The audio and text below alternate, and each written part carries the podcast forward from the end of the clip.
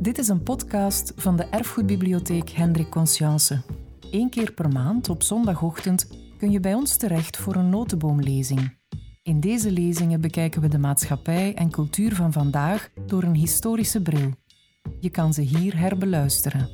We wensen je heel veel luisterplezier. Goedemorgen, dames en heren, vrienden. Uh, welkom op deze ondertussen laatste notenboomlezing van het jaar.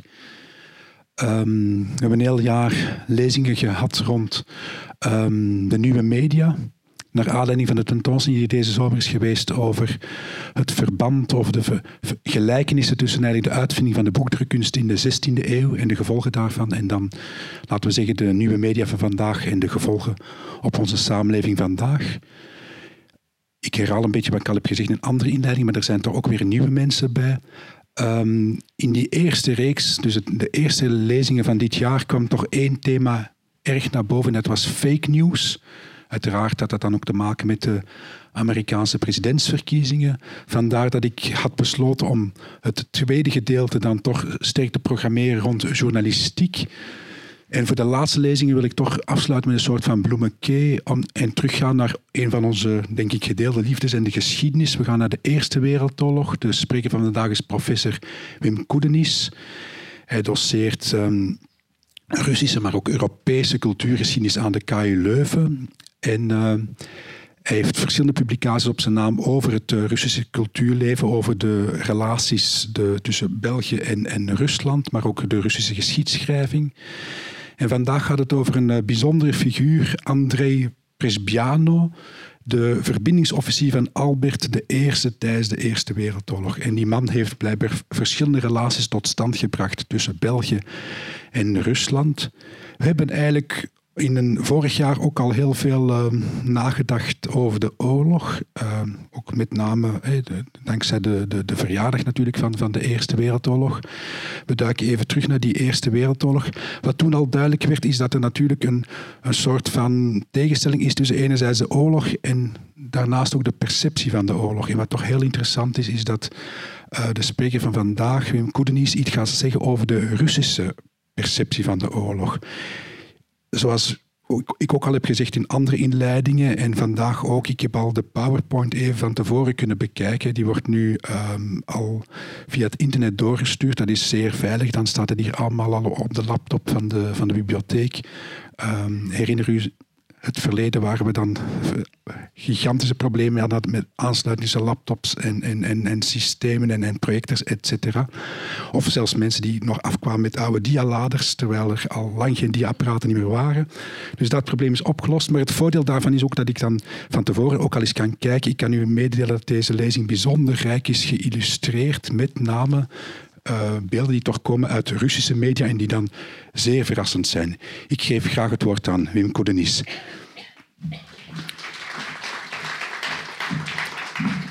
Nog even een korte mededeling. Zet jullie, uh, jullie gsm's graag af, dat we geen storende geluiden hebben tijdens deze lezing. Dank u wel. Goedemorgen, dames en heren. Ik, ik hoop dat u mij voldoende hoort. Oké. Ik zou zeggen, geef een signaal als dat niet het geval zal zijn, want ik heb het gevoel dat ik alleen maar voor mezelf aan het praten ben. Geef een signaal, maar het is ook donker, dus um, probeer maar mijn aandacht te trekken dan. Goed. Begin september 1914 zette de Sainte Marie, een uh, Franse vissersloep die door de Franse marine was opgeëist, de 29-jarige Russische kapitein André Brisbiano af op de kade van Oostende. Jongeman was als verbindingsofficier aangeduid. En misschien zal het nu beter gaan. Oké. Uh, was als verbindingsofficier aangeduid uh, bij het leger van koning Albert. En de belangrijkste reden daarvoor was omdat zijn oversten eigenlijk niet goed wisten wat ze met hem moesten aanvangen. Hij was de zoon van een generaal uit de entourage van tsaar Alexander III. Zijn grootvader, eh, dat is de man eh, daar voor u eh, rechtsboven. Zijn grootvader was een van de belangrijkste ministers geweest van Nicolaas I in het midden van de 19e eeuw.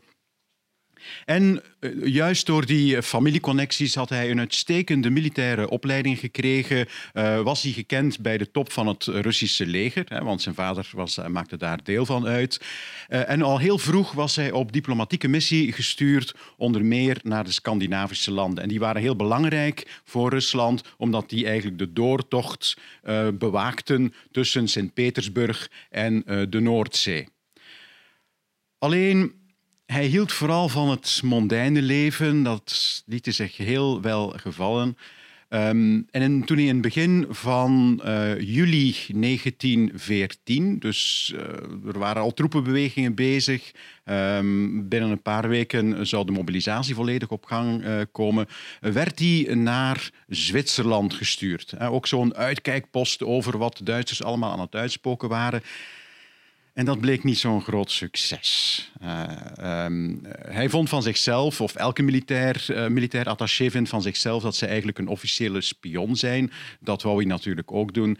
En in een poging om een prostituee te ronselen voor Russisch spionagewerk loopt het verkeerd. Wordt hij opgepakt door de Zwitserse politie en moet hij eigenlijk het land verlaten. Met de staart tussen de benen trekt hij naar Lyon, naar Parijs, waar niemand belangstelling voor hem heeft. En uiteindelijk wordt hij aangeduid Ga maar ergens heen waar je geen schade kunt aanrichten. Dat was dus België. Hij was echter niet de enige Rus op dat moment in Oostende.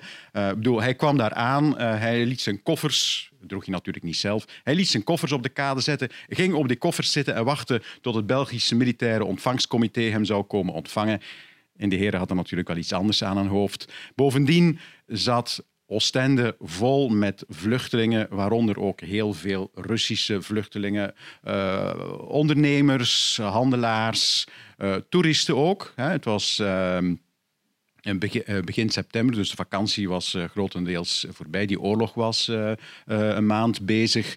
En ook heel veel Russische studenten, want in de jaren voor de Eerste Wereldoorlog, onder meer in Brussel en Luik en Gent, waren heel veel mm, laten we zeggen, uh, tsaar-kritische studenten aan het studeren geweest. Maar zijn aankomst in Oostende mocht dan niet opgemerkt zijn door het Belgische leger, maar werd wel opgepikt door de pers. Opeens begonnen er geruchten te circuleren dat de Russen geland waren in Oostende en binnenkort ook in Zeebrugge om het Belgische leger te helpen ontzetten. Niets was minder waar. André Prisbiano zou helemaal op zijn eentje, en dat in tegenstelling tot alle andere militaire vertegenwoordigingen uh, aan het Belgische front, uh, met een hele lage rang, hij was slechts kapitein, eigenlijk het Russische keizerlijke leger vertegenwoordigen bij koning Albert. Eerst, uh, aan het, eerst in Antwerpen, hè, waar het front toen nog lag, nadien in Veurne en uiteindelijk in Houtem uh, voorbij Veurne. De Russen, net zoals de rest van Europa, die hadden eigenlijk geen hoge pet op van het Belgische leger, dat eigenlijk als een operetteleger werd uh, beschouwd. In april 1912, naar aanleiding van de zoveelste parlementaire discussie over uh, de uitbreiding van het leger of meer centen voor het leger, de geschiedenis herhaalt zich blijkbaar, liet de eh, Russische ambassadeur in, in Brussel aan Petersburg weten in België zijn het vooral partijpolitieke twisten, zelfs binnen defensie, en die, die kwesties van nationaal belang naar de achtergrond uh, verdringen. En enkele weken voor het uitbreken van de oorlog uh, verklaarde de uh, ad interim militair attaché um, David Nakashitze het volgende. Op 6 mei schreef hij dat Duitsland dankbaar gebruik zou maken van de volslagen hulpeloosheid van Luxemburg en de zwakte van het Belgische leger om Frankrijk aan te vallen. En bovendien, dat in tegenstelling tot Nederland, België toch heel lang talmde met de mobilisatie. Ludwig Meyer, die als militair attaché aangeduid werd in augustus 1914, dus u ziet het is echt een stoelendans eh, op die post, nam akte, begin augustus nam akte van de Belgische mobilisatie, maar wist al gauw uit uiterst betrouwbare bron dat België slechts passief tegenstand zou bieden. Van meet af aan maakte hij melding van spanningen tussen de Belgische en Franse militaire autoriteiten, veroorzaakt door de Belgen, en hij verwachtte nog meer problemen nu de Britten onderweg waren.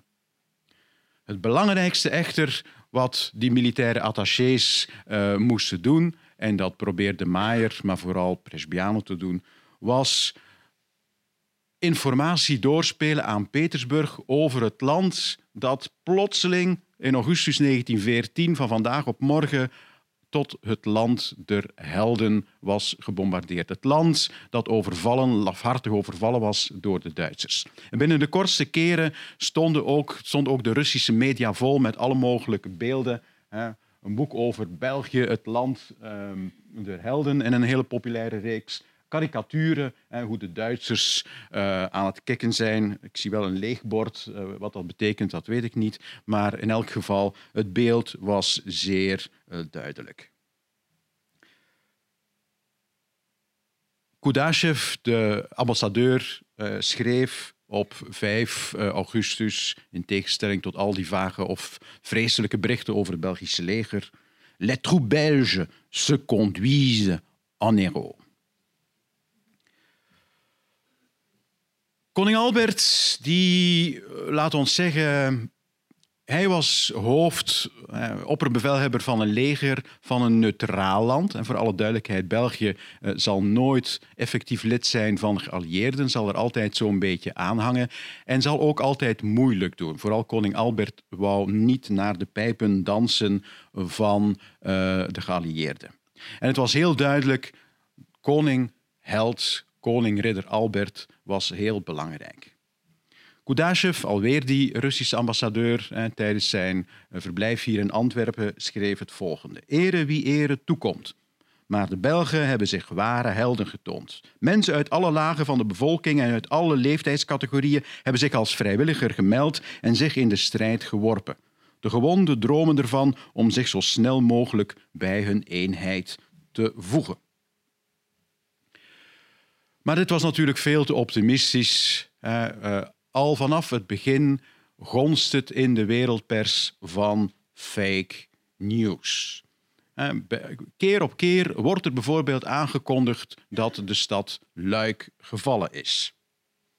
Al op 9 augustus 1914 schrijft de Russische, uh, het Russische parlementslid uh, Alexander Tokarsky uh, uit Saratov, uit Zuid-Rusland, het volgende in zijn dagboek.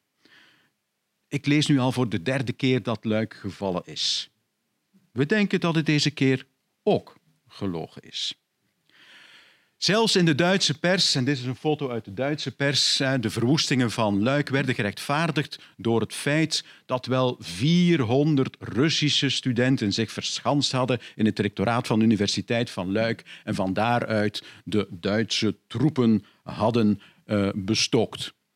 Een tijd nadien werd het uh, wat gerelativeerd, want dat kwam een beetje te hard over. En beweerden de Duitsers dat de burgemeester van Luik gevraagd had om die Russische studenten, die natuurlijk allemaal anarchisten en nihilisten waren, te laten arresteren, omdat die een gevaar voor de uh, veiligheid van de stad uh, vertegenwoordigden. De realiteit was dat Luik de grootste studentenstad, Russische studenten was, en dat dus daar heel veel Russen überhaupt konden worden gearresteerd. En uiteraard, Russen waren vertegenwoordigers van de tegenstanders van de Duitsers. Heel logisch dat die werden uh, gearresteerd. Nog meer ophef veroorzaakte ongetwijfeld de brand van Leuven. Het Belgische leger had zich eind augustus teruggetrokken op Antwerpen. Dat was de laatste, het laatste bastion van het Belgische leger. Uh, en van daaruit waren er een aantal uitvallen geweest uh, richting Aarschot, richting Leuven. En van de weeromstuit hadden de Duitsers uh, de stad beschoten en in brand gestoken. De getuigenissen logen er niet op. Kolonel Maier, de man die officieel nog militair attaché was eind augustus, schreef... De Duitsers hebben Leuven afgebrand en het bloeiende stadje in de as gelegd. De Duitsers beweerden dat ze door zijn inwoners werden beschoten. De bewoners werden uit hun huizen gezet en in de richting van Brussel en Antwerpen gedreven. Vervolgens werd de stad in brand gestoken, waarbij alle huizen, alle kerken, een groot klooster en een prachtige bibliotheek tot as werden herleid. En de inwoners vluchtte in paniek. Een van die mannen die vluchtte in paniek was de Poolse seminarist Stefan Kaczynski. Uh, die beschreef hoe ze eigenlijk weggedreven werden uit, uh, uit Leuven en vluchten richting Mechelen tussen de Belgische en Duitse linies in. Op weg naar Mechelen, schreef hij, zagen we hoe de Duitsers een jongen van een jaar of tien uit een wei haalden waar hij een koe hoedde. Enkele Duitse soldaten brachten hem tot bij zijn vader en schoten hem voor diens ogen neer. Onderweg zag ik Belgen die zich onder de trein gooiden. Zo wanhopig waren ze geworden door de vreedheden die ze aanschouwden.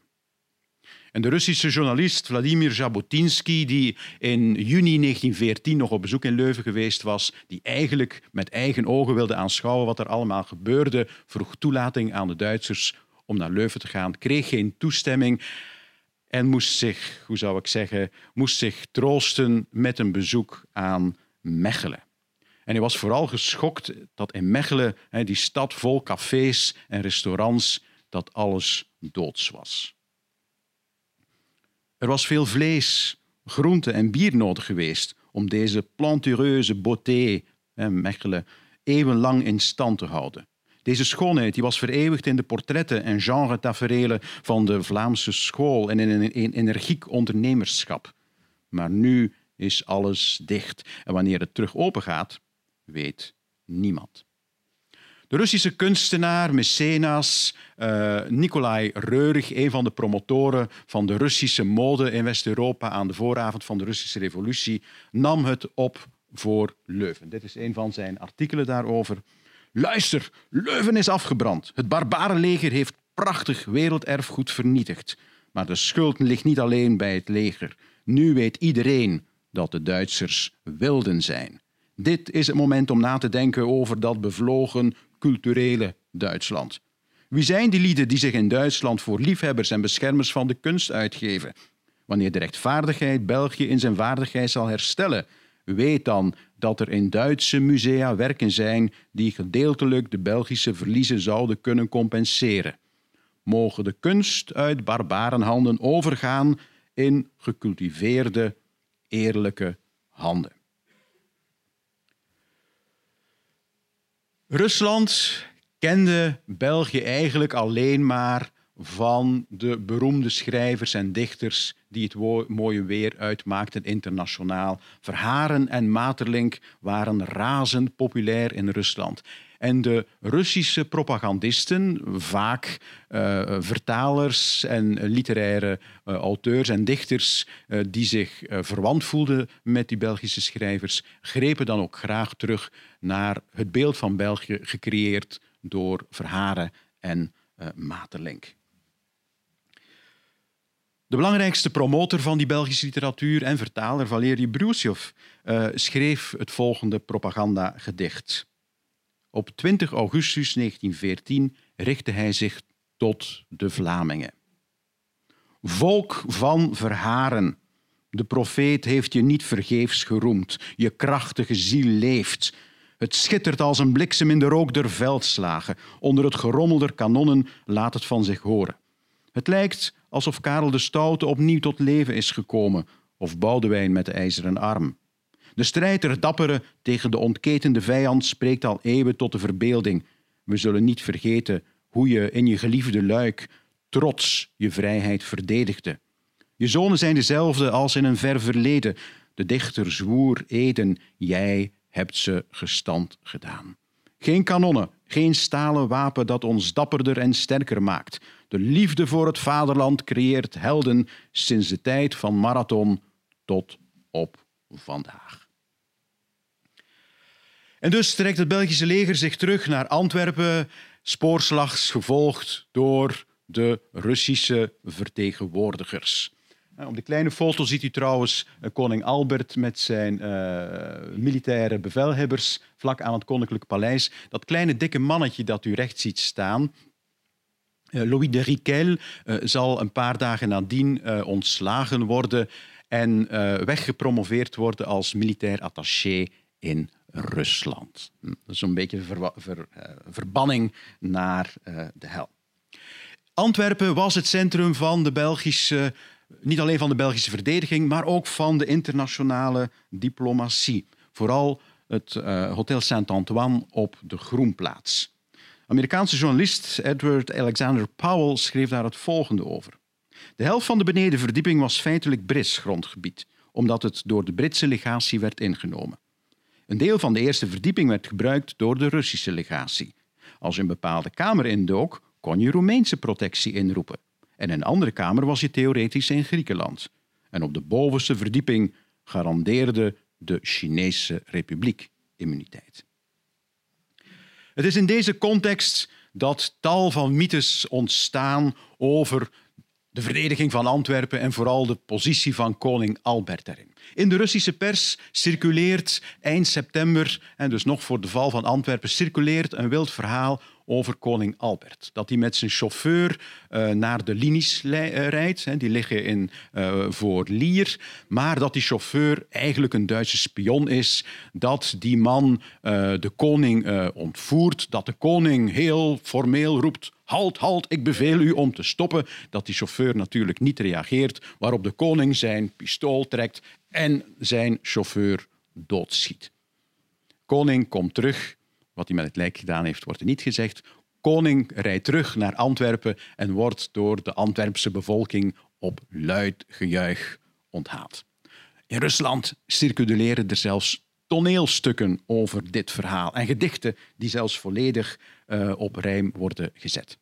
De realiteit was gruwelijker uh, en, en grijzer uh, onze Presbiano, hij is september 1914, hij is net actief geworden, uh, ja, wordt een beetje genegeerd. veel te helse situatie in Antwerpen. En dus wat gaat hij doen? Hij gaat samen met zijn Franse eh, collega uh, Eugène Genie, uh, loopt hij eigenlijk het front af en gaat hij hier en daar wat helpen. Zo beschrijft hij uh, de toestand van het Belgische leger of de divisies van generaal uh, Bertrand. Ze schuilden tussen uh, ontplofte huizen, hadden geen bescherming tegen regen en tegen kou en dus deelde hij maar koffie uit. Hoe gretig dronken de verkleumde officieren officieren, soldaten kwam hij natuurlijk niet mee in aanraking, dronken de verkleumde officieren van de thermoskannen hete thee die ik naar hun stellingen bracht, bracht schreef hij meerwaardig. En dat was hooguit 25 kilometer van Antwerpen, waar het leven zijn gang ging en de winkels uitpuilden. Door de regen en de modder te midden van de verwoestingen boden de rode rijbroeken, de gestikte uniformen van de gidsen, de wonderbaarlijke chacots van de jagers en carabiniers een trieste aanblik. Samen met de Franse militaire attaché gaat hij ook naar uh, de frontlijn en uh, hij wil richting Mechelen, maar Mechelen is ondertussen al bezet. Uh, en hij gaat langs de spoorlijn richting Sint-Katlijne-Waver waar hij het volgende vaststelt. Het lawaai van de beschieting was onvoorspelbaar. De obussen vlogen in dikke pakken over ons heen en toen ze ontploften, veroorzaakten ze gigantische fonteinen van aarde, stenen en klei. De forte antwoordde uit alle vuurmonden en het leek dat in deze wederzijdse hagelbui van staal de Belgische en Duitse obussen in de lucht op elkaar zouden botsen. Antwerpen is het laatste bastion en hij maakt daar de evacuatie uh, mee. Maar alweer in Rusland weet men eigenlijk niet goed wat men ervan moet denken. Alweer uh, dat parlementslid Tokarski schrijft het volgende. De berichtgeving over alles wat er aan het front gebeurde kwam er sowieso traag en was notwaar onbetrouwbaar. Op de markt en in de winkels werd druk gespeculeerd en iedereen had zo zijn eigen mening. Enkele slimmeriken wist, wist, wisten dat een fort van het kaliber van Antwerpen maanden tegenstand zou kunnen bieden en dat het verhaal van de val, begin oktober 1914, bij gevolg verzonnen was.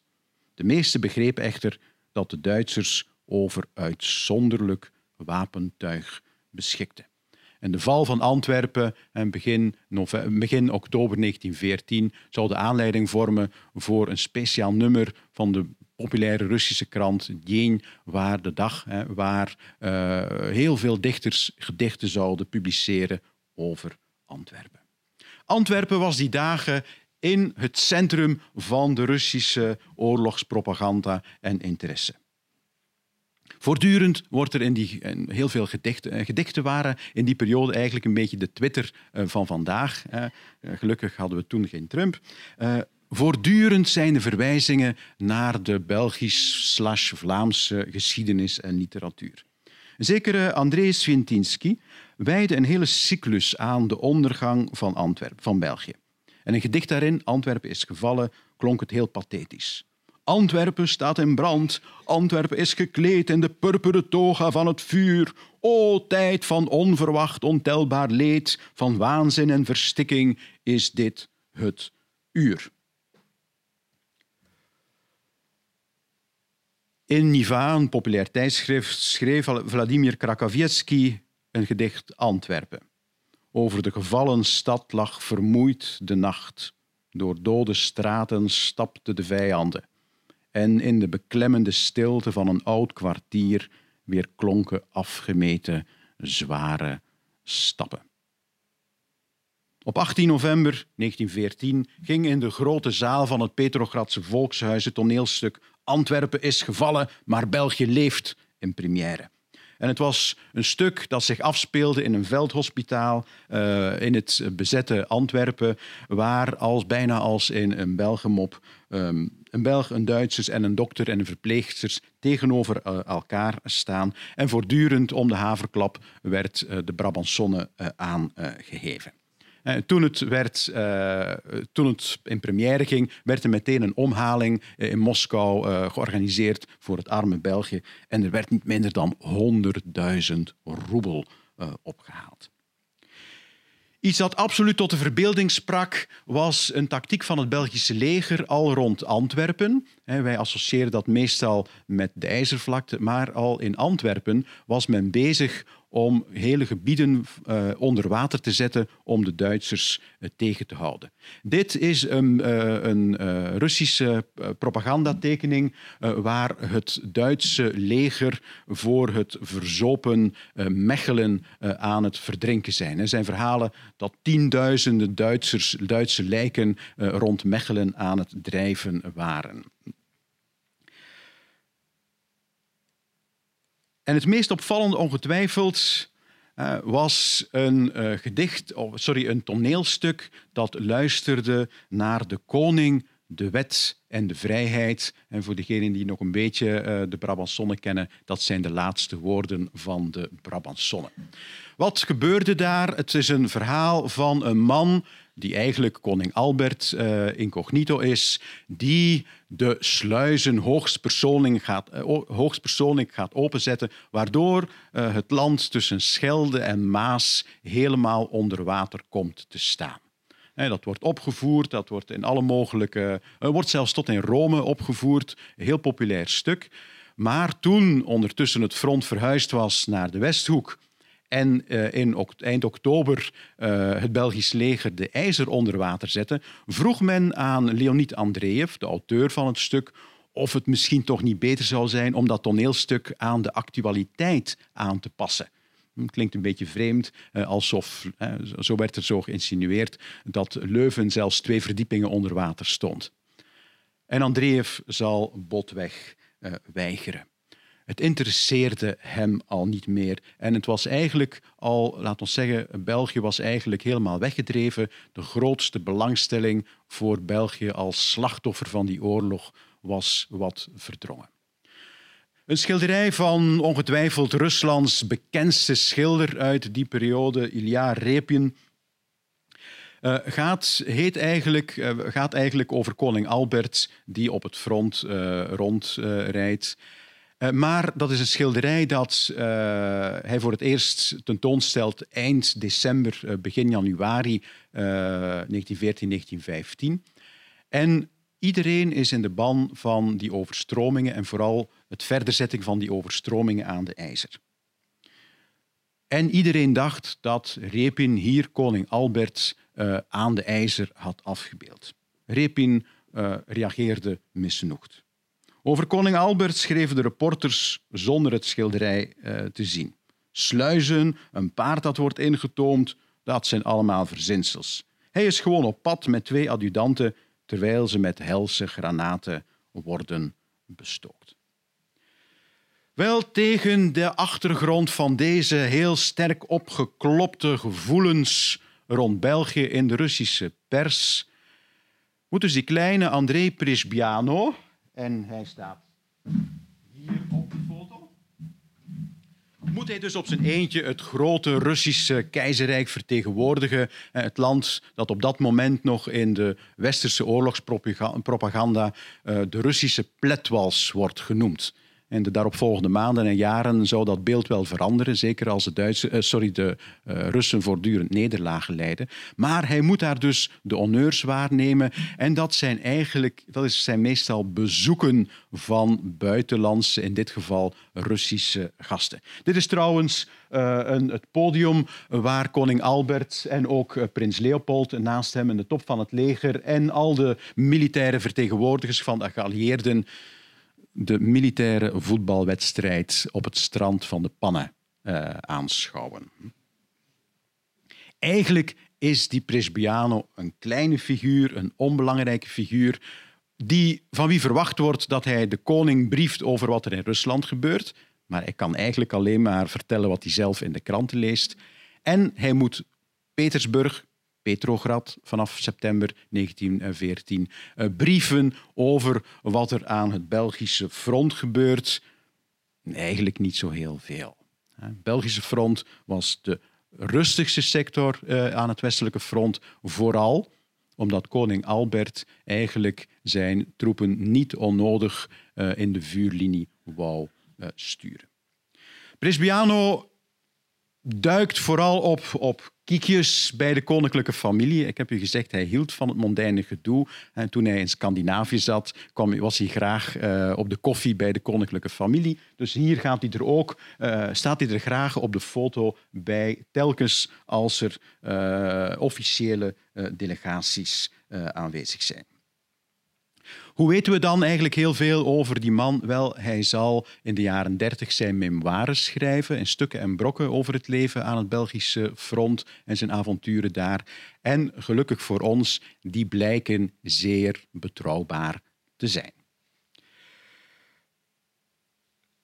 Presbiano stelde zich eigenlijk voor als een dichte vriend, een goede, goed gezelschap voor koning Albert. Dat wordt eigenlijk niet helemaal gereflecteerd in de notities van de koning of in de, of de, of de dagboeken van eh, de adjuncten van de koning, waar hij slechts zeer sporadisch opduikt. Maar, hoe zou ik zeggen, hij is nogal ijdel. Hij zal voortdurend in zijn memoires met koning Albert eh, dwepen. Belangrijkste feit in uh, januari 1915 is het bezoek van een speciale gezant van tsaar Nicolaas II, namelijk uh, prins Felix Yusupov. Een van de rijkste mannen van het land, uh, die op een speciale missie gestuurd is naar het westen uh, om uh, ja, de bondgenoten maar duidelijk te maken hoe hard Rusland zich wel inspant. Yusupov en de familienaam is misschien bekend omdat de zoon van die, uh, die speciale gezant betrokken zal zijn, of liever een van de moordenaars zal zijn van de beruchte Rasputin in 1916. Maar die Yusupov, net zoals heel zijn familie, was nogal excentriek.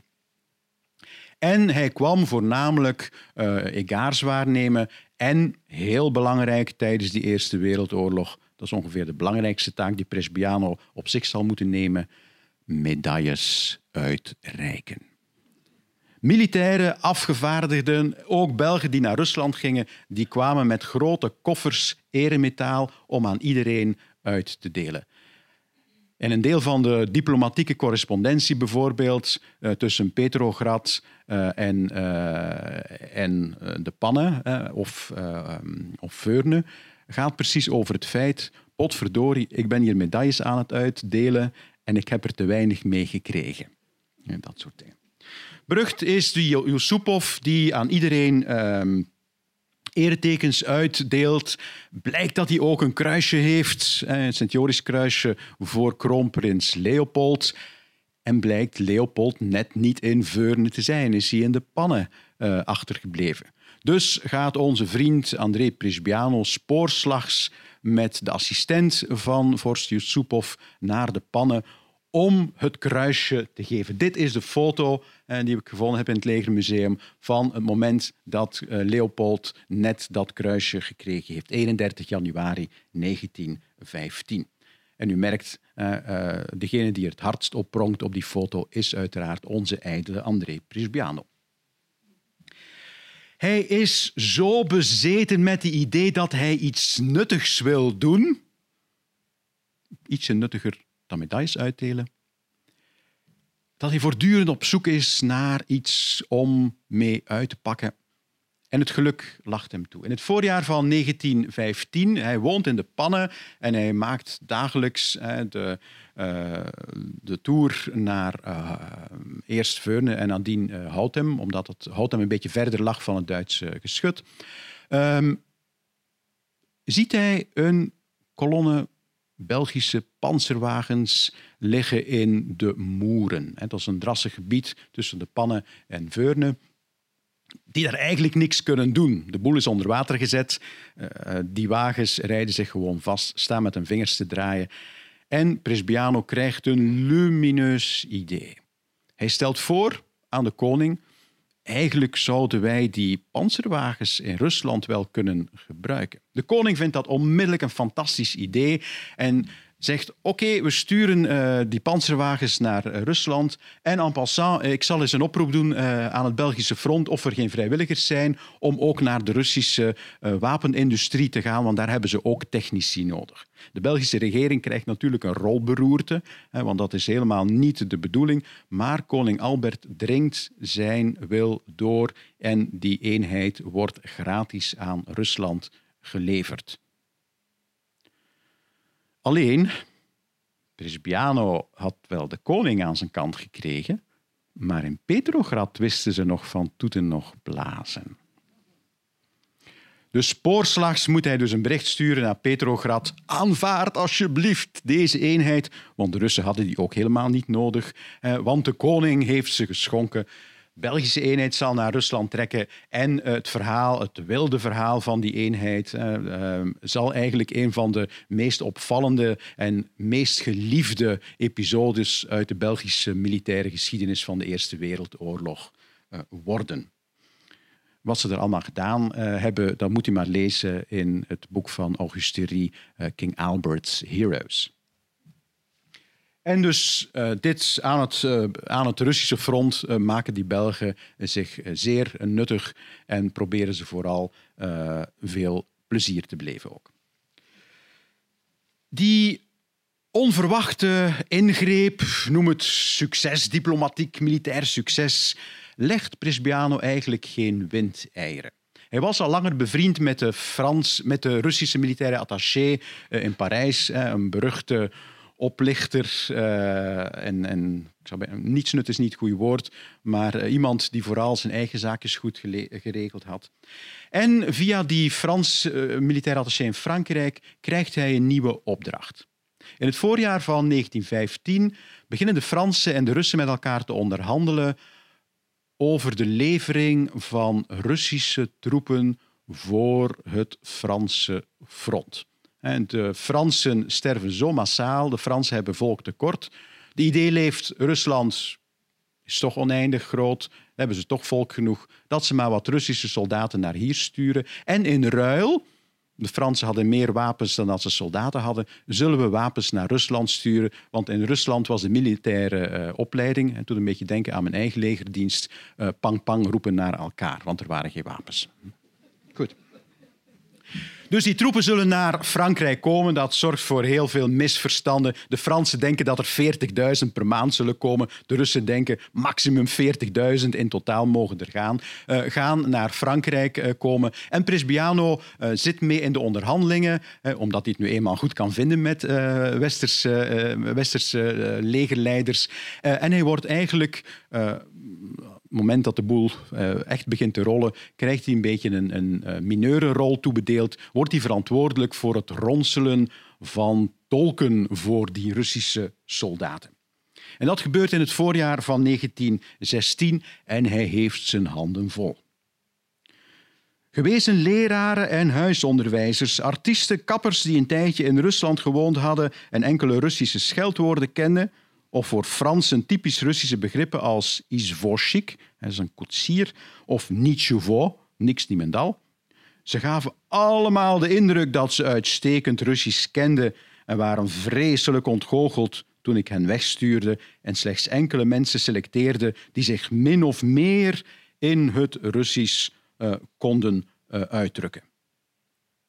Van alle 168 kandidaten bleven er uiteindelijk slechts een handvol over.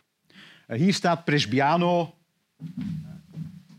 unieke foto, eigenlijk de de, honneur, de, de, honneurs van die Russische soldaten. U denkt het zijn Franse soldaten. Nee, het zijn Russische soldaten in Franse uniformen. En de tolken die hij geselecteerd heeft, kun je herkennen aan die speciale banden. Het is tijdens de Eerste Wereldoorlog dat voor het eerst echte tolkendiensten zullen worden opgericht.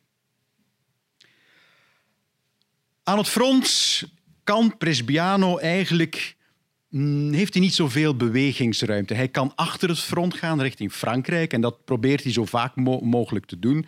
Geeft toe, uh, de pannen of veuren in vergelijking met Parijs. Mm, ik zou ook wel weten wat ik uh, kies, denk ik. Um, maar het betekende ook de strikte indeling in sectoren van dat westerse front, dat hij eigenlijk niet zomaar naar bijvoorbeeld de Britse sector kon. Dat wilde zeggen, de Belgische sector die schoof zo een beetje, maar hield eigenlijk op even ten noorden van Yper. En hij beschrijft hoe hij op 22 april 1915 in Steenstraten getuige is van de eerste gasaanval, zogezegd eerste gasaanval uit de Wereldoorlog. Het weer was prachtig, schreef hij. En in de late namiddag ging, hij, uh, ging ik uh, langs bij de grenadiers in de loopgraven aan het Iperlee-kanaal. Plots rook ik een amandelgeur die onmiddellijk op de keel werkte. Vanuit een observatiepost zag ik, en samen met een begeleidende Belgische officier, hoe een onbekende golf in alle kleuren van de regenboog alsmaar breder werd en als een hoge muur op de Franse loopgraven afrolde. Presbiano en zijn begeleider namen het zekere voor het onzekere en namen de benen. Pas nadien werd duidelijk dat het een gasaanval was. En hier moeten we trouwens ook vragen stellen bij wat hij beschrijft, want de manier waarop hij het beschrijft, ook die amandelgeur, dit was absoluut niet de geur en ook niet de kleur van het chloorgas dat voor het eerst werd gebruikt. Hij beschrijft eigenlijk uh, gasaanvallen veel later uit de oorlog. En hij maakt nog een opmerking die heel merkwaardig is. Hij schrijft: gasaanvallen tijdens de oorlog werden een gewoon verschijnsel waar niemand nog veel aandacht aan besteedde. Ik denk dat het vooral zijn eigen wensen voor werkelijkheid nemen was, want iedereen was als de dood voor gasaanvallen. En het feit dat men vrij kort na de Eerste Wereldoorlog eigenlijk gas uh, verboden heeft als oorlogswapen, wat niet wil zeggen dat het niet gebruikt werd natuurlijk, uh, heeft precies met die hemelse schrik te maken. Presbiano mocht dus eigenlijk niet in Yper en omgeving komen, dat was de Britse sector. Als er Russen daar kwamen, dan betekende dat dat er mensen vanuit Rusland specifiek via Groot-Brittannië uh, naar die Britse sector moesten gaan.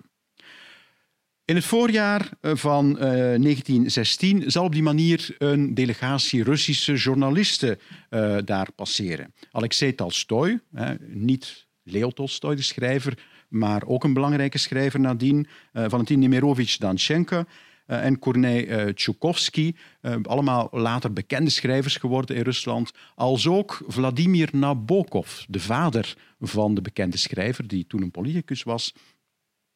die bezochten de British Trenches bij, in Ploegsteertbos.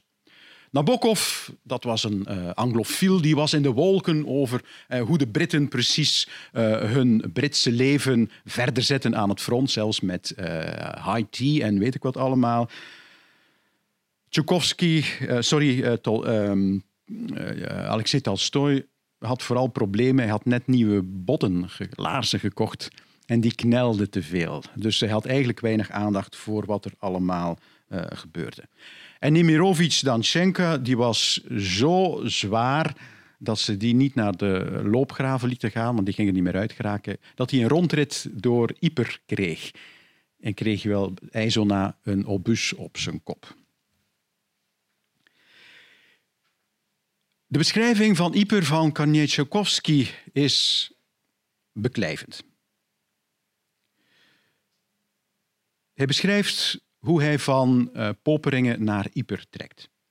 Met zijn ongezien lange tong uit zijn muil, bengelend als een natte vod, trok de ruige een karretje waarop een microscopisch klein meisje zat met een parapluutje en een lelieroze gebedenboek. Ze rijdt, vermoed ik, naar het kerkhof. Daar zijn er onderweg tegenwoordig veel van. Well, we're in Belgium, sir, zei mijn chauffeur onverwacht.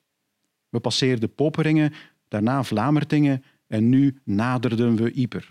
Vreemd, afgebeten, precies door tanden staan de enorme restanten van huizen langs de weg. Er stond een restaurantje onder een uithangbord, aangenaam nieuws, vrolijke viering van vrienden. Een Duitse granaat die ruim een derde ervan had weggenomen, had alleen het uithangbord ongemoeid gelaten. Het huisje leek op een lachend lijk. Het contrast tussen het westerse front en het Russische front was zo groot dat Boris Engelgaard, een vertegenwoordiger van de militaire commissie, uh, die onder meer over de aankoop van Russische wapens in het buitenland ging, uh, na een bezoek aan het Westerse front het volgende schreef. In Frankrijk is één iemand in de achterhoede twee mensen aan het front aan het bedienen. Terwijl in Rusland één iemand aan het front door twee mensen uit de achterhoede wordt bediend. Hij erkende echter dat de situatie aan het Oostfront helemaal niet op die van het Westen leek. Los van de plaatselijke omstandigheden en de verbindingswegen moet het gezegd dat bij het begin van de oorlog het, het beschikbare vermogen in transport in Frankrijk tienmaal hoger was dan in Europees Rusland. Het 160 kilometer Britse front werd bediend door 70.000 vrachtwagens. Aan ons 1500 kilometer brede front waren er slechts 7000 voertuigen van allerhande slag beschikbaar. Het was normaal dat onze achterhoede zwaarder belast werd dan bij onze bondgenoten. Maar dit was toch fel overdreven. En het is precies die verschrikkelijke oorlogssituatie aan het oostelijke front, waar het Russische leger eigenlijk van de ene nederlaag naar de andere uh, holt. En vooral waar de bevoorrading uh, alleen richting front gaat en niet naar de steden. Er is eten in Rusland, maar onvoldoende capaciteit om dat naar de steden te brengen. Die er eigenlijk voor zal zorgen dat uh, in februari 1917 er een volksopstand uitbreekt in uh, Petrograd. Op 20 maart 1917 schreef de Belgische gezant de Buisserin dat hij een troep gewapende maar lusteloze soldaten zag die aan het verbroederen was met het volk. Al gauw waren de straten dichtgepakt met muitende regimenten. De soldaten ontwapenden hun officieren en in enkele gevallen doodden ze hen. Auto's vol met soldaten doorkruisten de stad.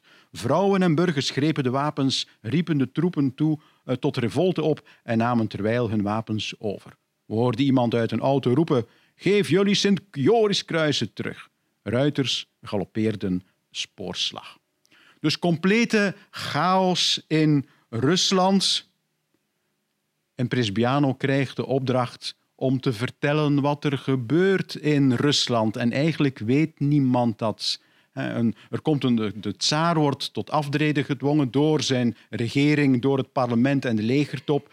Eh, er ontstaat eh, een voorlopige regering die het op een akkoordje probeert te gooien met de opstandelingen, waar er voortdurend spanningen tussen zijn. Uh, het is in die context dat uh, tegenstanders van het regime, uh, zoals Lenin, kunnen terugkeren. En eigenlijk loopt de situatie voortdurend en steeds verder uit de hand. Het merkwaardige is echter dat twee maanden na de revolutie eigenlijk iedereen in Rusland, zelfs het leger, want dit zijn tekeningen uit officiële legerpublicaties van mei 1917, dat iedereen eigenlijk die idee van de machtsoverdracht van het tsarisme naar die voorlopige regering, die op zoek is naar een nieuwe toekomst voor Rusland, eigenlijk aanvaardt. Presbiano is er als de kippen bij om het nieuwe regime te, eh, te erkennen, omdat hij natuurlijk voor zijn loon uh, of zijn soldij van hen afhangt. Koning Albert was echter minder uh, optimistisch. Hij vond het. Uh, koning Albert leed nogal aan, uh, aan vlagen van depressie en op andere momenten was hij zeer cynisch. Hij schreef: Het zou gevaarlijk zijn als Engeland en, Rus, en Rusland de politiek van Frankrijk zouden bepalen. De Britse belangen zijn niet dezelfde als die van het continent. Rusland, zwak en ongeorganiseerd, is de oorzaak van de huidige uh, impasse waarin we uh, zaten. Hij schreef ook: De nieuwe regering is een oorlogsregering, terwijl de grieven die haar aan de macht hebben geholpen door de oorlog veroorzaakt zijn en slechts zullen verdwijnen als er vrede zal zijn. Het volk heeft de smaak te pakken en is niet tevreden met gematigde maatregelen. Of men het nu wil of niet, het zal gaan tot het einde. En inderdaad, in oktober 1917 zal een radicale strekking, extreem linkse strekking, eh, die eigenlijk de complete bestaande wereld wilde uh, vernietigen en vervangen door een nieuwe communistische wereld. Vandaag de dag zou je die eigenlijk alleen maar vergelijken met de kopstukken van IS. Geleid door Lenin uh, zal de macht grijpen. Het eerste wat die Lenin doet, is beginnen onderhandelen met de centrale mogendheden, Oostenrijk-Hongarije en Duitsland, over een onmiddellijk staakt het vuren aan het Oostfront. En waarom deed Lenin dat? Omdat hij natuurlijk hè, op zijn trumps de beloftes die hij gemaakt heeft, natuurlijk wilde uitvoeren. Hij wist maar al te goed, als de oorlog zou blijven doorduren, en dat was de zwakte van de voorlopige regering geweest uh, na februari 1917. Dat het volk zich tegen de nieuwe machthebbers zou keren. En dat wilde hij natuurlijk niet. En hij gaat op slag onderhandelingen organiseren uh, in Brest-Litovsk. Dat was het Duitse, en dat, was een, wat, dat is, ligt vandaag in Wit-Rusland. En dat, daar was het hoofdkwartier van het uh, Duitse front gevestigd. En er worden onderhandelingen uh, gevoerd waarbij de Sovjets, en dus de Bolsjewieken, en dat is iets wat vandaag de dag in de geschiedschrijving grotendeels vergeten is, tot drie maal toe de gewesterse geallieerden zullen uitnodigen om mee te komen onderhandelen over, een, over het einde, het definitieve einde van de oorlog.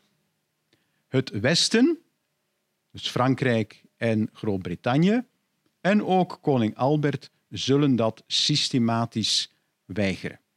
Presbiano, die die brief, die telegrams vanuit, Peters, Petrograd krijgt om die boodschap over te brengen, zit eigenlijk tussen twee vuren. Het Russische leger, dat nu gecontroleerd wordt door de Bolsjewieken, en de Bolsjewieken zelf denken, vinden eigenlijk dat de diplomatieke vertegenwoordigers in het buitenland en militaire vertegenwoordigers, inclusief Presbiano, dat die eigenlijk gewoon Rusland vertegenwoordigen en dus de opdrachten vanuit Petrograd, dus van de Bolsjewieken, moeten uitvoeren. De Belgische regering en de Belgische legertop vindt echter, en dat vindt Presbiano ook, dat hij een vertegenwoordiger is van het oude regime en dat hij moet proberen de belangen van België in Petrograd uh, gehoord te laten worden. Waar de Bolsjewieken uiteraard helemaal geen uh, oog voor hebben. Dus Presbiano vindt zich daar, bevindt zich daar eigenlijk tussen twee vuren. Hij wordt door de ene gezien als een uh, een tegenstanders van de Bolsjewieken als hij zich niet aanpast. Hè, dat vinden de Bolsjewieken. En door de Belgische legertop en door koning Albert wordt hij scheef bekeken, want eigenlijk vertegenwoordigt hij een regime dat ofwel niet meer bestaat, ofwel dat eigenlijk uh, revolutionair is. Hij zal bij, herhaalde, bij herhaling proberen om de boodschap van de Belgische regering en blijf vechten voor het geslachtofferde land, het land der helden, waar de Russen zo over gezongen hebben in, in uh, augustus, september, oktober 1914, om te blijven uh, vechten. Toen Petrograd daar geen gehoor aan gaf, probeerde hij iets anders. De Duitsers beweerden tijdens de onderhandelingen dat ze niet van plan waren om de troepen die vrijkwamen aan het Oostfront naar het Westfront over te brengen. Dat was natuurlijk wel de bedoeling van de Duitsers, een keer dat de Russen uit de oorlog waren, om definitief komaf te maken met de Fransen, de Belgen en de Britten eh, aan het Westerse front.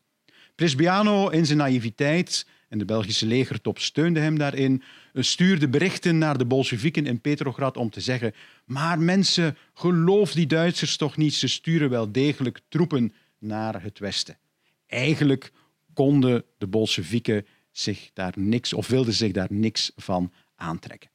En op 3 maart 1918 sluiten de centrale mogendheden en Rusland, het Rode Rusland, Bolsjewistische Rusland, een wapenstilstand, waardoor de Russen eigenlijk voor de rest van de 20e eeuw als de verraders van het Westen zullen worden beschouwd.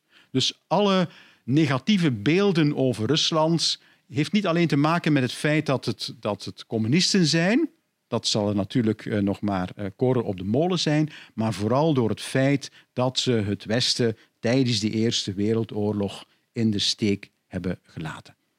En Presbiano schrijft: uh, De goede relatie die ik met koning Albert had, is definitief voorbij.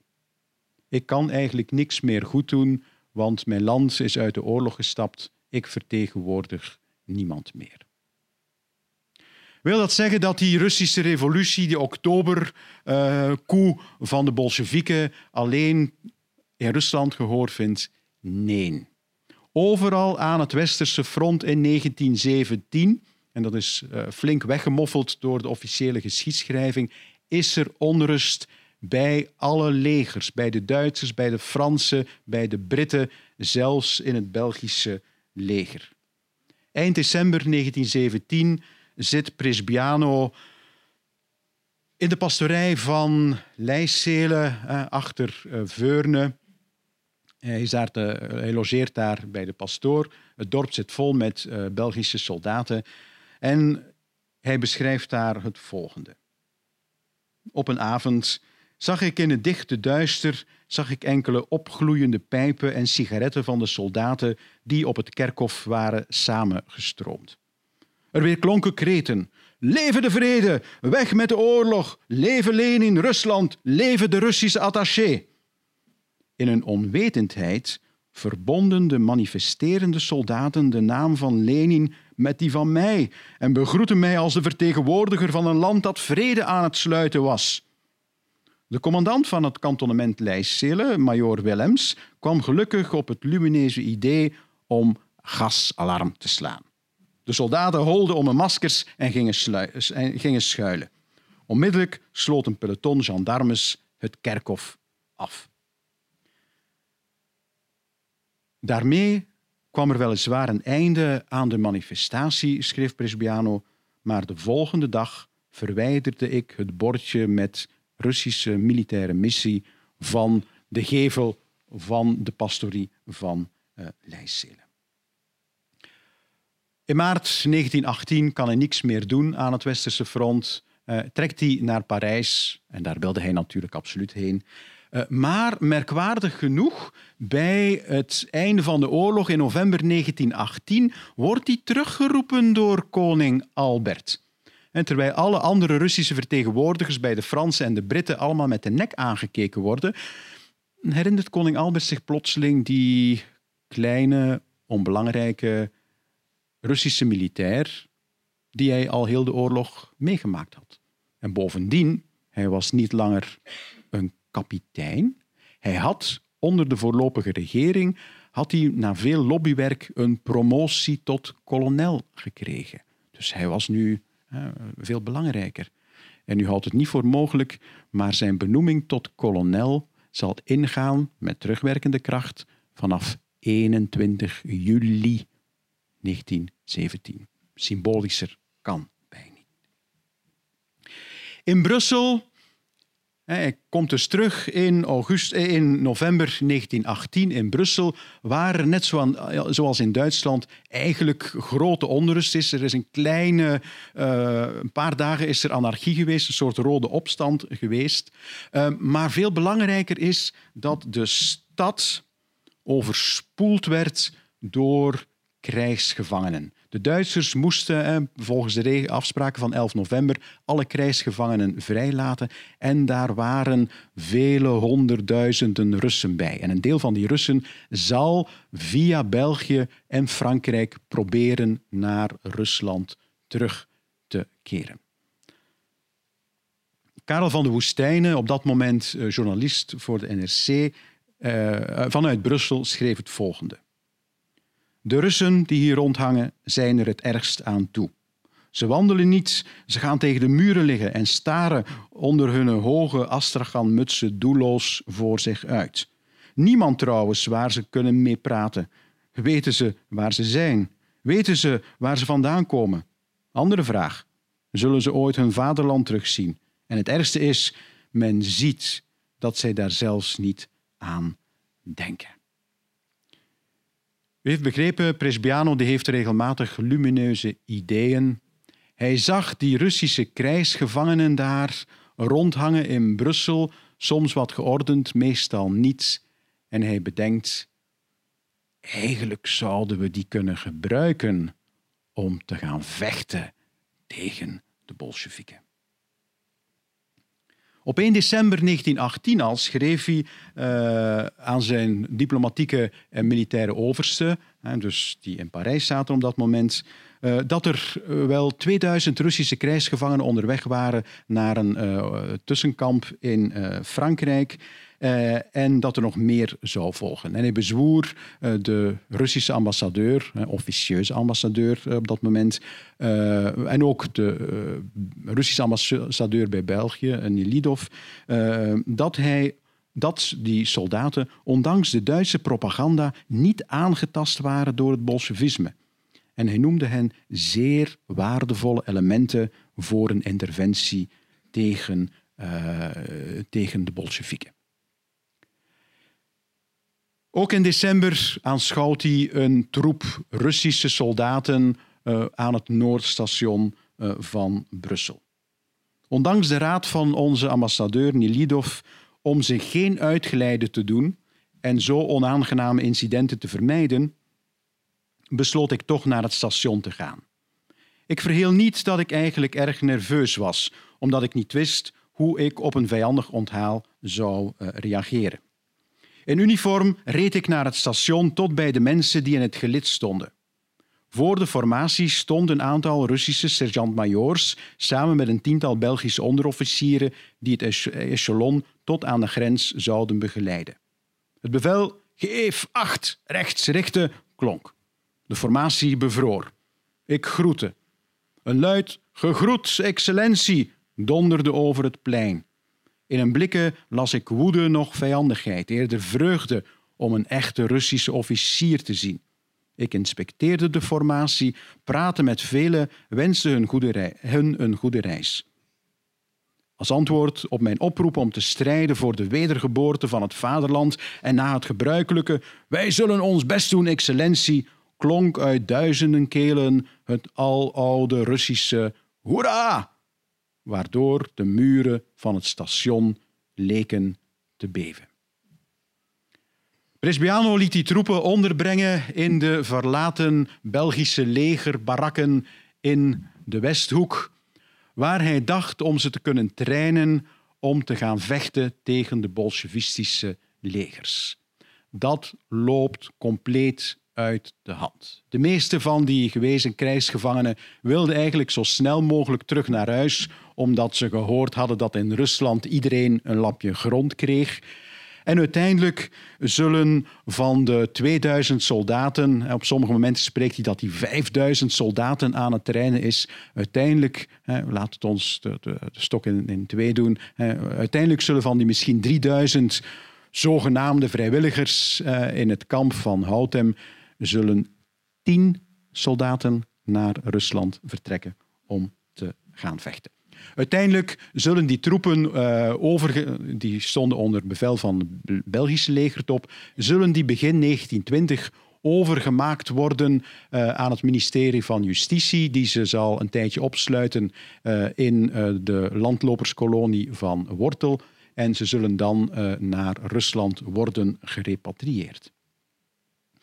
Dit is trouwens een van de weinige stukken die over zijn van die passage in Wortel en die Russische soldaten uh, die daar uh, een klein fotoboekje gemaakt hebben uh, van hun verblijf in Wortel. De onwil van de Russen om gerecruiteerd te worden om te gaan vechten tegen de Bolsjewieken staat echter in schril contrast met de vurigheid van een aantal Belgische heethoofden een aantal daarvan uh, waren lid geweest van dat Belgische expeditiekorps uh, in Rusland om te gaan vechten tegen de Bolsjewieken. En ze kregen daarin ook de steun van het Belgische bedrijfsleven, omdat groot, en België was eigenlijk relatief gezien de grootste investeerder geweest in Rusland voor de revolutie.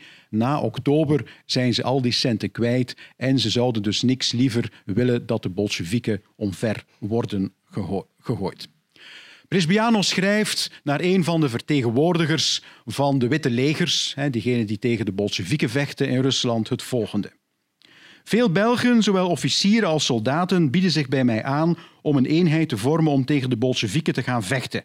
Veel van de Belgen die naar Rusland willen gaan, beschikken over technische kwalificaties en vele van hen waren reeds in Rusland met het ACM-korps, dat panzerwagenkorps.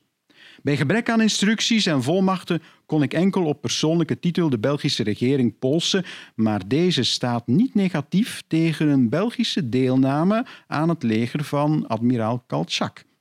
Ik denk dat hieruit blijkt dat het mogelijk is om een korps van enkele duizenden vrijwilligers te organiseren, compleet met uitrusting. Ik denk ook dat de hulp van onze trouwe bondgenoot België, dat op de moeilijkste momenten ons op alle mogelijke wijze bijstond, behalve een zuiver materiële, ook een grote morele betekenis zal hebben. Bovendien hebben veel van de kandidaten grote materiële belangen in Rusland. De uitbreiding van de Belgische industrie in Rusland en de concurrentie van de Belgen met andere landen die ook politieke belangen in Rusland hebben, komen ons goed uit. Als u hiermee instemt, denk ik dat het mij zal lukken om van de Belgen de nodige bewapening en vervoer los te krijgen. Als organisatie van een dergelijke eenheid ongewenst zou zijn, velen tonen zich bereid om zich direct als vrijwilliger voor het Russische leger op te geven. In het grootste geheim organiseert Presbiano met medeweten van buitenlandse zaken en uh, defensie. He, moet je zich voorstellen hoe dat vandaag zou zijn een recruteringsbureau in Brussel waar Belgische vrijwilligers zich kunnen aandienen om te gaan vechten tegen de Bolsjewieken. En net zoals vandaag lekt dat natuurlijk uit in de linkse pers, in de socialistische pers. En er ontstaat dus een grote heisa. Meer bepaald uh, minister Emiel van der Velde, de minister van Justitie, die ook al die krijgsgevangenen van het leger uh, overgenomen had, zal zich met hand en tand verzetten tegen een dergelijke Belgische demarche. En de Belgische regering uh, valt bijna op dat moment. Hij moet een aantal ministers zelfs ontslag geven om de crisis uh, af Het wordt voorgesteld als een rechts, extreem rechts complot. En zover, bedoel, u kent de retoriek die zich in die Belgische geschiedenis vaak uh, herhaalt. Emiel van der Velde vond zelfs dat hij liever Lenin zou, sturen, uh, zou steunen dan uh, het kapitalisme te steunen in de strijd tegen de Bolsjewieken. Een paar jaar later zou Van der Velde wel bijdragen en toen het duidelijk werd uh, hoe vredaardig die Bolsjewieken te werk gingen, maar dit was zijn ingesteldheid op het moment.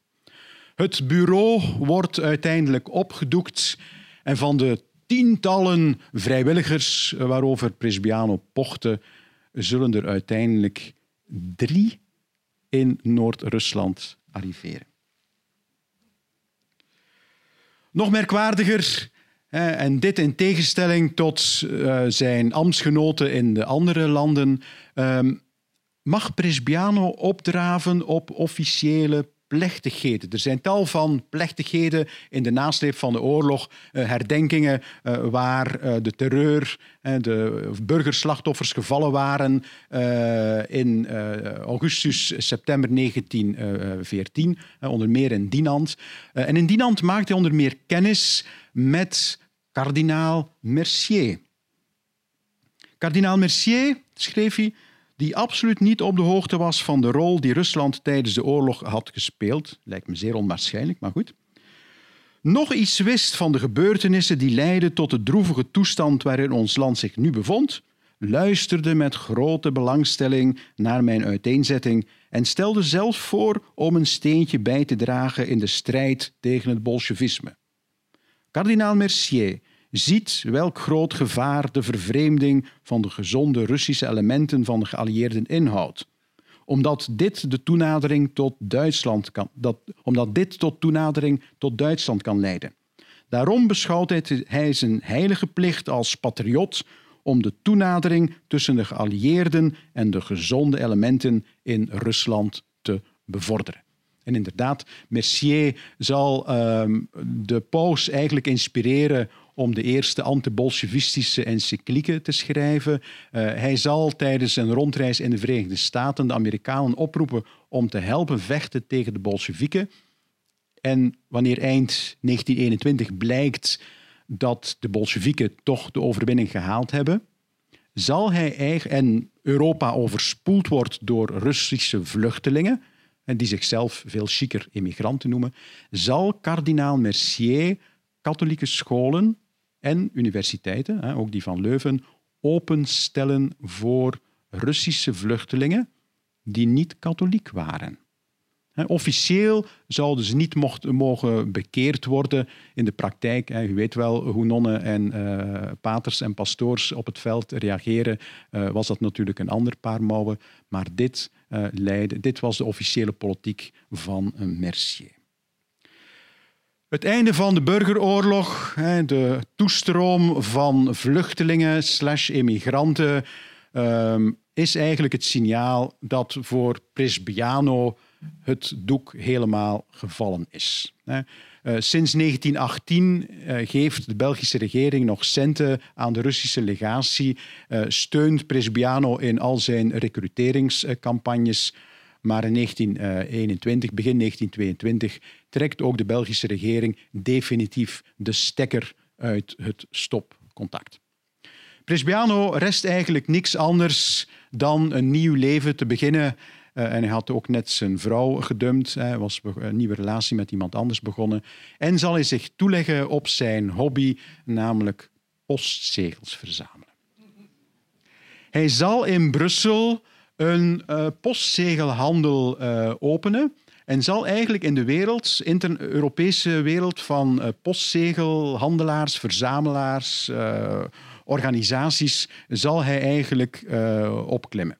Het enige wat hij eigenlijk nog officieel doet, is onder meer aanwezig zijn als getuige bij het opgraven van Russische soldaten die in de nasleep van de oorlog gestorven waren in België. Die moesten opgegraven worden om op een militair kerkhof bijgezet te worden. In 1929 vraagt Presbiano officieel Belgisch staatsburgerschap aan en dat krijgt hij ook. En van zodra hij dat verworven heeft, verhuist hij naar Frankrijk om nooit meer terug te keren. Hij zal in de jaren 30 nog een paar keer terugkeren, onder meer um, als in het Legermuseum in Brussel, hè, bij zijn oude Belgische militaire vrienden, als daar een Russische zaal wordt geopend, maar voor de rest uh, houdt hij afstand. Het is eigenlijk de dood van koning Albert in 19, uh, uh, begin 1934 die voor Presbiano de aanleiding zal zijn om zijn wedervaren aan het Belgische front op papier te zetten. En eigenlijk tussen 19... Uh, het eerste artikel verschijnt in 33, dat gaat over de vrede van Brest-Litovsk. Maar alle andere artikelen vanaf 34, en die worden geschreven tot 1937 in een Russische immigrantenkrant in Parijs, gaan eigenlijk systematisch en zeer chronologisch over wat hij allemaal aan dat Russische front, uh, sorry, aan dat Belgische front heeft meegemaakt. De man is ijdel. Ik bedoel, uh, hij heeft zelf waarschijnlijk meer foto's uh, van hemzelf met de koning dan het Belgische leger er heeft. Um, en hij overdrijft hier en daar een beetje zijn eigen rol.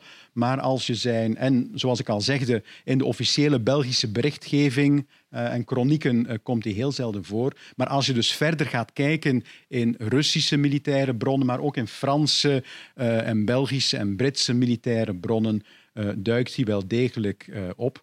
En waar hij heel specifieke daden beschrijft, bijvoorbeeld uh, dat idee over het sturen van een Belgische militaire divisie naar Rusland. Zijn betrokkenheid bij het sturen van Russische soldaten naar Frankrijk bijvoorbeeld. al die intriges rond het opzetten van dat geheime recruteringsbureau. Ik heb ook de getekende documenten van Buitenlandse Zaken en, en Defensie gevonden, waar inderdaad gezegd wordt dat hij dat mag doen. Dan blijkt hij zeer zeer betrouwbaar.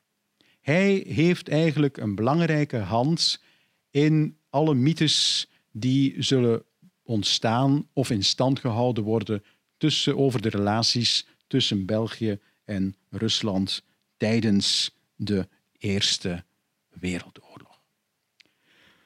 Voilà, ik ben aan het einde van mijn verhaal. Presbiano die leeft nog tot 1963, maar raakt eigenlijk vergeten Behalve dan in postzegelmiddens. Uh, um, maar ik heb het verhaal van die man uh, onlangs helemaal beschreven in geuren en kleuren.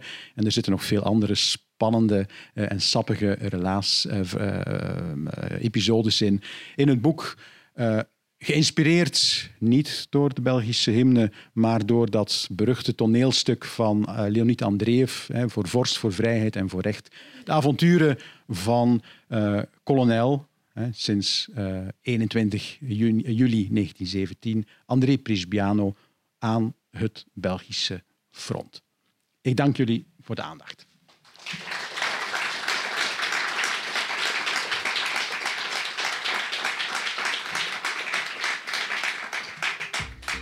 Je luisterde naar een podcast van de Erfgoedbibliotheek Hendrik Conscience. Wil je nog een andere lezing beluisteren?